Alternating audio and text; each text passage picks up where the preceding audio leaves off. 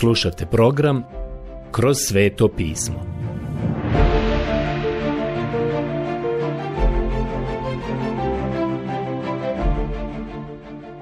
Knjiga Izlazak Odlomak Izlazak Poglavlje 10 od 10. stiha do poglavlja 11.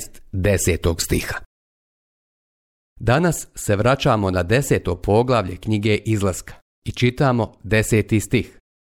Nalazimo se u sred nadječavanja sa faraonom. Zapravo ovdje imamo bitku bogova.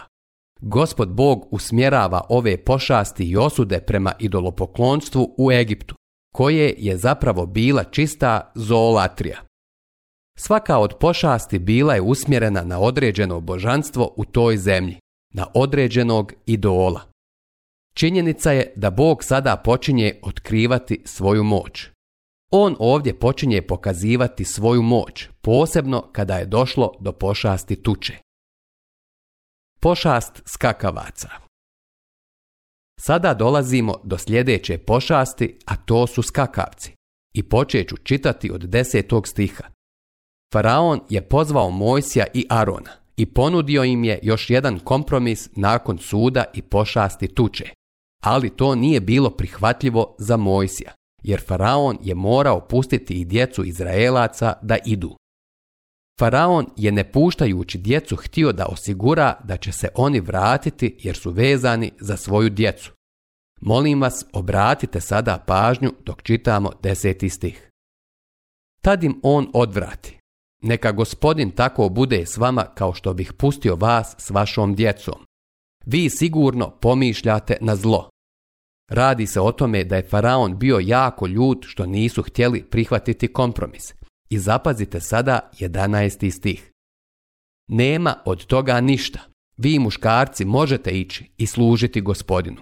To ste i željeli. Onda ih otpraviše od faraona. Knjiga izlaska 10, 10 do 11. Faraon je rekao, htjeli ste otići samo na tri dana u pustinju i služiti gospodu ja ću vas sada pustiti, ali ostavite svoju djecu ovdje. Oni nisu htjeli prihvatiti taj kompromis. Imamo sada sljedeću pošast koja dolazi. Tada zapovjedi gospodin Mojsiju. Pruži svoju ruku na egipatsku zemlju, da izazoveš skakavce. Neka dođu na egipatsku zemlju i pojedu sve poljsko bilje u zemlji, sve što preostade od tuče je pruži svoj štap na egipatsku zemlju i gospodin učini da je cijeli dan i cijelu noć puhao istočni vjetar nad zemljom. Kad osvanu, bio je istočni vjetar nanio skakavce. Skakavci padoše na svu egipatsku zemlju i spustiše se u silnome mnoštvu na sve krajeve. Nikada prije nije tu bilo toliko skakavaca, niti će ih ikada toliko biti. Oni pokriše površinu cijele zemlje tako da se više nije vidjela zemlja i pojedoše sve bilje u polju i sav plod na drveću što preostade od tuče. Ništa zeleno ne ostade na drveću i na poljskom bilju po svoj egipatskoj zemlji. Knjiga izlaska 10, do 15. Ovdje postoji nekoliko stvari koje se otkrivaju u ovoj osudi, u ovoj pošasti. Kada govorimo o sudu s kakavcima, Molim vas da prije svega zapazite da se oni nisu čudesno pojavili. Nama se zapravo i ne čini da je to neko čudo kao što su druga čuda opisana. Ali najezda skakavaca nije ništa manje čudesna. Istočni vjetar ih je donio od nekud. Očigledno ih je donio taj istočni vjetar koji se pojavio. Vjerovatno je došao odnekud iz Azije, i sigurno su takvi vjetrovi bili česti u tom području. Skakavci su došli preko širokog pustinjskog prostranstva i pretpostavljam da su bili prilično gladni kada su ušli u zelenu dolinu Nila i apsolutno su ogolili sve. Skakavci su vjerovatno bili najgora pošast koju su do sada imali, jer se skakavac koristi u svetom pismu kao slika i simbol suda. Imate veliku pošast skakavaca koju je Joel opisao. I sve pošasti skakavaca iz prošlosti slika su suda koji tek treba doći. Otkrićete da se to spominje u Božoj riječi kada prijeđete na knjigu Otkrivenje. Pominju se velike pošasti skakavaca koje dolaze na zemlju. U Joelovu proroštu spominje se veliki sud skakavcima u prošlosti, što je stvar istorije. Ali zatim Joel nastavlja i kaže da dolazi i u budućnosti takva vrsta suda. Stoga skakavci se koriste kao instrumenti suda i to je ono što imamo i ovdje. Dakle, došli su i vjerovatno su imali najveći učinak nego bilo šta drugo što je došlo na tu zemlju u to vrijeme. Sada ću se spustiti dole i pročitat ću 16. stih. Faraon brže bolje dozva Mojsija i Arona i reče Sagriješih gospodinu, vašemu Bogu i vama. Knjiga izlaska 10.16 Ovo je sada prvi put da je Faraon uopšte priznao tako nešto. Vidite, za tako nešto je bila potrebna pošast skakavaca uočit ćete da postoji metoda u načinu na koji Bog u to vrijeme postupa sa ovim ljudima, sa tom zemljom i sa faraonom. Sud i pošasti su izvršeni na sistematičan način i prema određenom redu, prvenstveno usmjerene na različite idole u Egiptu i protiv tamošnje zoolatrije. Bog sada počinje usmjeravati ove pošasti tako da one stvaraju velike teškoće ljudima i sa namjerom da uvjere faraona. Pošast skakavaca je zasigurno uticala. Faraon je pozvao Arona i Mojsija da dođu, a on je pred njima priznao da je sagriješio. On je još rekao sljedeće. Ali oprostite mi moj grijeh samo još ovaj put. Molite se gospodinu Bogu vašemu da ukloni od mene barem ovu smrt. I ode Mojsije od faraona i pomoli se gospodinu gospodin učini da je sa zapada zapuhao jak protivni vjetar koji odnese skakavce i pobaca ih u crveno more. Ne ostade ni jedan jedini skakavac na cijelom egipatskom području. Ali gospodin otvrdnu srce faraonu tako da on ne pusti Izraelovih sinova. Knjiga izlaska 10, do 20. Sada se ovaj čovjek faraon predomislio onog trenutka kada je pošast uklonjena, on se vratio na svoje prvobitne stavove. Bog će ga ipak primorati da pusti djecu Izraelovu da odu. Sljedeća pošast. Tama. Dakle, nakon skakavaca, doći će samo još dvije pošasti. Sljedeća pošast jeste tama. Govorimo o egipatskoj tami a ona je bila usmjerena protiv najvišeg božanstva, protiv vrhovnog idola u cjelokupnom idolopokloničkom religioznom sistemu u Egiptu. Molim vas obratite sada pažnju na sljedeće. Tada zapovjedi gospodin Mojsiju. Pruži svoju ruku prema nebu, da dođe na egipatsku zemlju takva tama da se može pipati. Knjiga izlaska 10.21 da li ste ikada bili na takvom mjestu? Jedini put kada sam stvarno doživio takvu tamu je bilo dole u Carlsbad Cavernsu prije mnogo godina kada su gasili svjetla i pjevali Rock of Ages. Ali to je bilo veoma djelotvorno. Nikad nisam bio u takvoj tami. To je bila vrsta tame koja je bila tada i nad egipatskom zemljom. Takva tama da se može pipati ću sada 22. i 23. stih. Moj se pruži ruku prema nebu i nastade gusta tama po svoj egipatskoj zemlji. Ljudi ne vidješe jedan drugoga i nitko se tri dana ne maknu sa svojega mjesta. Ali svi Izraelci imali su bili dan u svojim stanovima. Knjiga izlaska 10, 22 do 23. Ovo je definitivno bilo čudesna stvar, mi ovdje sada otkrivamo da je faraon ponovo spreman za kompromis. Četvrti kompromis. Ovaj četvrti je posljednji kompromis, jer nakon ovoga on će se stvarno morati držati dogovorenog i dopustiti Izraelovoj djeci da odu. Gospod polaže pravo na Izrael. Čitamo sada stih 24. I faraon dozva Mojsija i reče Idite, služite gospodinu. Samo vaše ovce i goveda neka ostanu ovdje. Vaše žene i djeca smiju ići s vama. Knjiga izlaska 10.24 Možda biste pomislili da napuštanje njihovih stada i stoke ne bi bio veliki kompromis. Drugim riječima, Faraon je daleko odmakao u činjenju ustupaka Mojsiju i čovjek bi pomislio da bi ova ponuda mogla biti prihvatljiva. Ipak, ja u ovome ponovo vidim ozbiljne posljedice i vidim paralelu između djece Izraela i nas danas. Bog ih je pozvao da izađu iz egipatske zemlje i to ne znači da su samo trebali povesti svoju djecu. Njihova djeca nisu smjela biti ostavljena tamo na školovanju i obrazovanju u Egiptu. Oni neće biti uspješni u Egiptu. Oni trebaju otići i zauzeti svoje mjesto zajedno s ostatkom Božijeg naroda. Rekli smo da je to najsuptilnija kušnja koju današnji kršćanin ima. Znamo da ćemo svoju djecu morati odgajati u svijetu. Želimo da naša djeca budu uspješna u svijetu.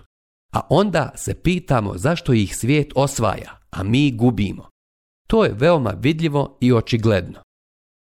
Čuo sam kako je jedna majka, kršćanka, pričala o tome kako je njen sin otišao u dobru kršćansku školu, ali je ipak otišao u svijet. Nije mi spomenula da je izgubio vjeru, ali mi je ispričala kako je napredovao. Završio je školu i dobio vrlo dobar položaj. Usput da kaže, on je i danas na visokom položaju i njegovo ime se mnogo puta pojavilo u javnosti. A onda je imala suze u očima dok mi je pričala tužnu priču o tome kako je izgubila svog dječaka, da je svemu okrenuo leđa. S obzirom na to kako je sve počelo, sasvim je prirodno da ga je izgubila. To je jedno veoma suptilno iskušenje. Kompromis koji je sada faraon ponudio Mojsiju i danas se nudi ljudima. Ostavite svoja stada i stoku. Izgleda mi da ima jako puno kršćana koji kažu, da, Želimo služiti gospodu. Mi smo vjerni našoj crkvi. Podržavamo našeg pastora. Mi dajemo za dijelo gospodnje i mi smo voljni pomoći misionarima. Ali da li ste ikada primijetili način na koji funkcionišu? Oni funkcionišu u egipatskoj zemlji. Njihova stada i stoka su tamo dole, u Egiptu. I oni su jako zainteresovani za ta stada i stoku. Dopustite mi da vam kažem, oni će ta stada i stoku staviti ispred i iznad svega ostalog. I ako budu morali odlučiti da li da služe Bogu ili da odu na put u Egipat zbog svojih stada i stoke, znate li u kojem pravcu će krenuti? Krenut će za svojim stadima i stokom. Zanimljivo je da veliki broj kršćana kaže, kao što znate, ja nedjeljom služim gospodu, ali tokom sedmice sam vani u tom hladnom i teškom poslovnom svijetu. Bojim se da mnogi takozvani kršćani u tom hladnom i teškom poslovnom svijetu danas žive baš kao i svi drugi ljudi u tom hladnom i teškom poslovnom svijetu. Ne možete ih razlikovati od ostalih. Njihovi životi su kao i životi onih koji su u Egiptu. Oni sve svoje ulažu u ovaj svijet mišljenja sam da bi uznesenje crkve slomilo srca velikog broja kršćana. Znate li šta bi to učinilo? To bi odvojilo veliki broj kršćana od njihovih ulaganja koja danas imaju u ovom svijetu. Morat ćete otići i ostaviti taj svoj sef, štedni račun, dionice i obveznice, nekretnine, sve ono čemu ste posvetili svoje vrijeme i svoje srce morat ćete otići i sve to ostaviti prilikom uznesenja crkve. Vjerujem da će nekim ljudima tada biti slomljeno srce. Molim vas zapazite sada šta Mojsije kaže na ovaj kompromis.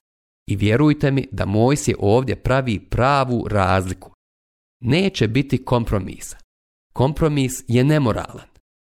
Morli je prije nekoliko godina rekao, kompromis je nemoralan a jedan kandidat za predsjednika Sjedinjenih američkih država je prije više godina, čini mi se u kasnim 50-ima, rekao da kompromis nije nemoralan. Pa jeste nemoralan prijatelju. Uvijek je nemoralan za Božje dijete. Poslušajte sada Mojsija u stihovima 25 i 26. A Mojsije odvrati. Ako nam ti sam daš što ćemo zaklati i spaliti za žrtvu, mi ćemo to žrtvovati gospodinu svom Bogu, ali i naša stoka mora ići s nama. Sada poslušajte ovo. Ni papak ne smije ostati, jer od toga ćemo morati uzimati da služimo gospodinu Bogu svojemu. Mi ne znamo kako ćemo morati iskazati gospodinu svoje štovanje dok ne budemo tamo. Knjiga izlaska 1025 do 26. Mojsije je rekao, kad izađemo iz egipatske zemlje, nećemo ostaviti ni trag kopita u zemlji. Hvala Bogu za Mojsija. Neće ostaviti ni trag kopita. Izbjeći će svaku pojavu zla. Da li ste znali da je Crveno more ispralo sve te tragove kopita? Imajte na umu da je istoka također prešla preko Crvenog mora, baš kao i ljudi. A kada se to Crveno more vratilo na svoje mjesto, Opralo je sve tragove. Baš kao što je Mojsije i rekao faraonu.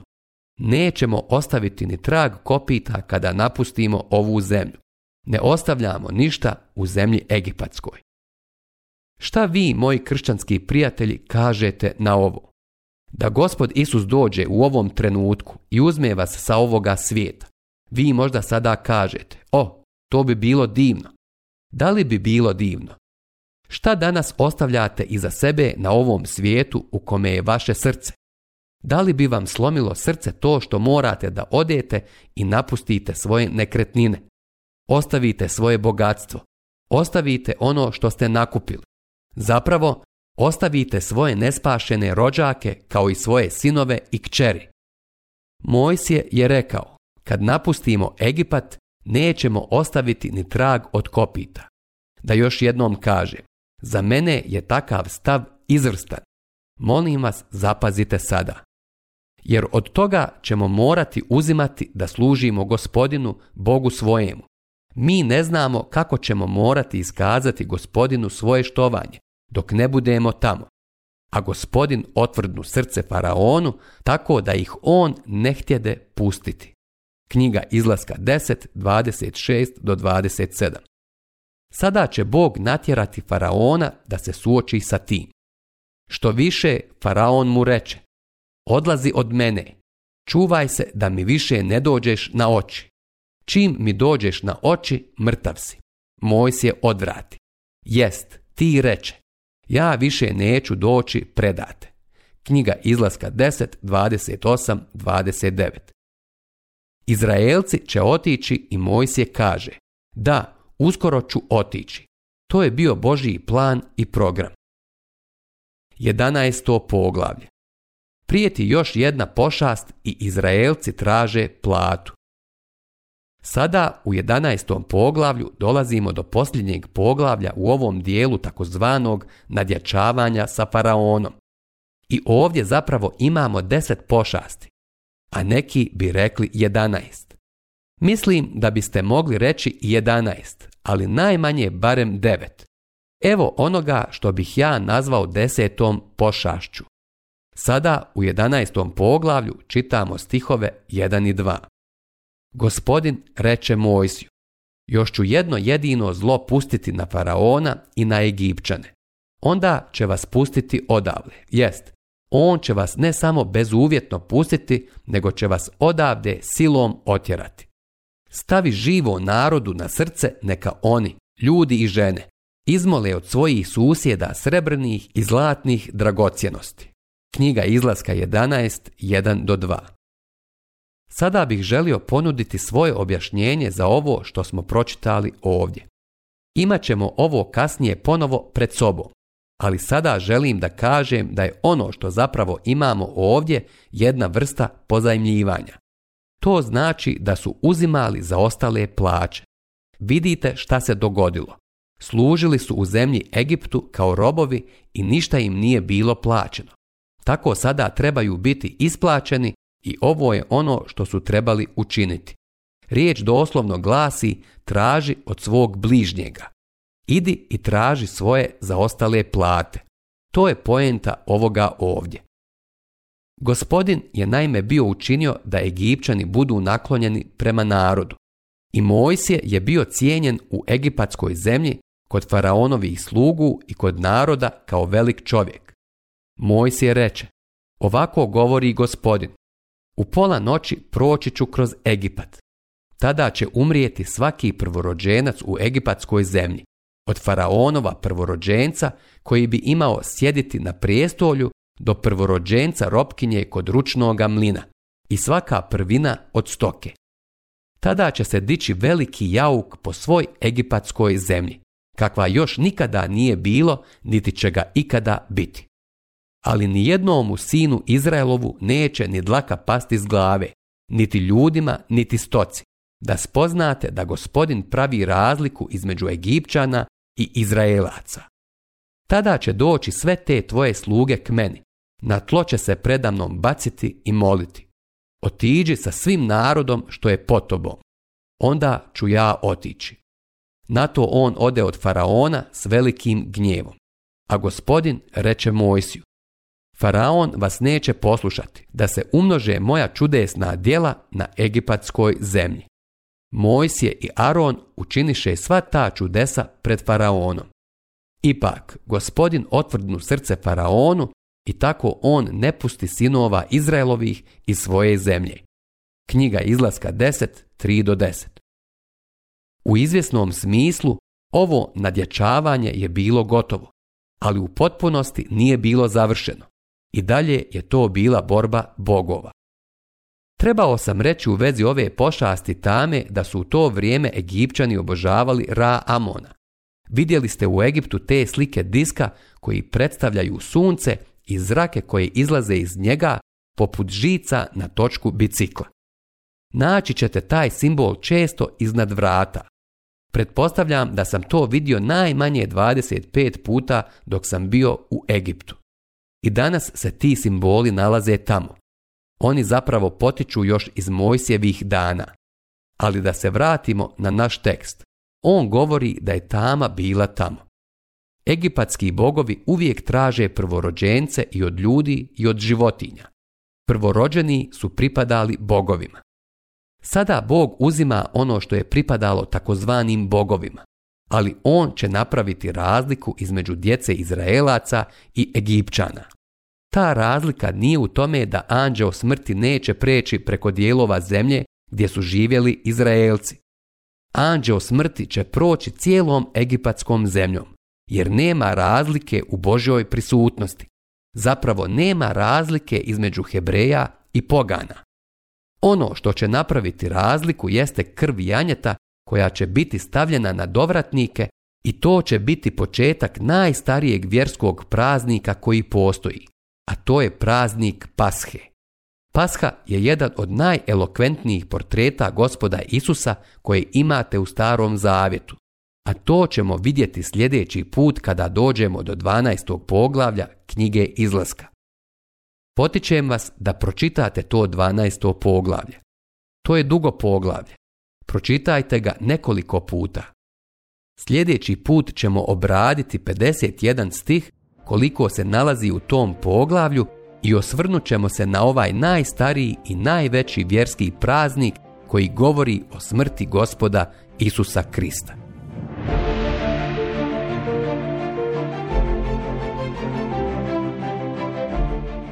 Slušali ste emisiju Kroz sveto pismo. Možete nas slušati i na našem YouTube kanalu, putem mobilne aplikacije, te na svim glavnim podcast platformama kao što su Google, Apple i Spotify.